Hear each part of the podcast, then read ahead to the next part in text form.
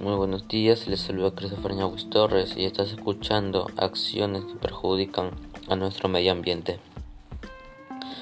En esta oportunidad trataremos el tema relacionado con la contaminación del aire y conocerás qué es la contaminación del aire, la situación actual de esa contaminación, causas y algunas propuestas de mejora.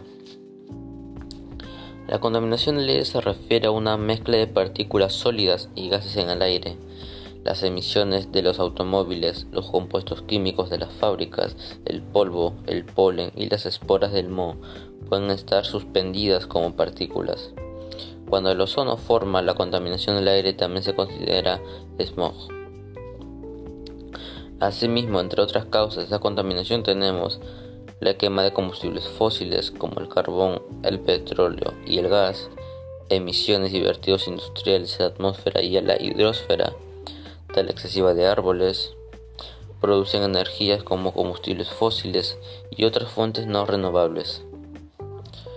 Entre las consecuencias de la contaminación ambiental encontraremos el calentamiento global, la insalubridad del agua, la erosión del suelo, la pérdida de biodiversidad, la destrucción de hábitats y las enfermedades respiratorias en los seres vivos. Todo esto puede mejorar si realizamos algunas de las siguientes acciones reemplazar el combustible sólido por combustible más limpio en los hogares, aplicar tecnologías y sistemas de ventilación eficientes en los hogares, escuelas y entornos de trabajo, dejar de fumar. En este caso, el humo, que es el cigarro, desprende, queda en el aire por horas y daña a muchas, muchas personas, no solo al fumador.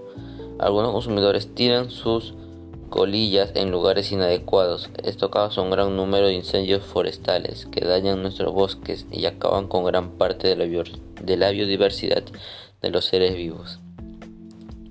Con todo lo expresado, te invito a seguir mis consejos porque en verdad vas a ayudar y a hacer mucho por el planeta y a quienes los que sí les importa cuidar nuestro planeta te lo vamos a agradecer. Gracias por permitirnos llegar a ti y encontrarnos otro día con otro tema igual interesante. Adiós y, y cuídese mucho.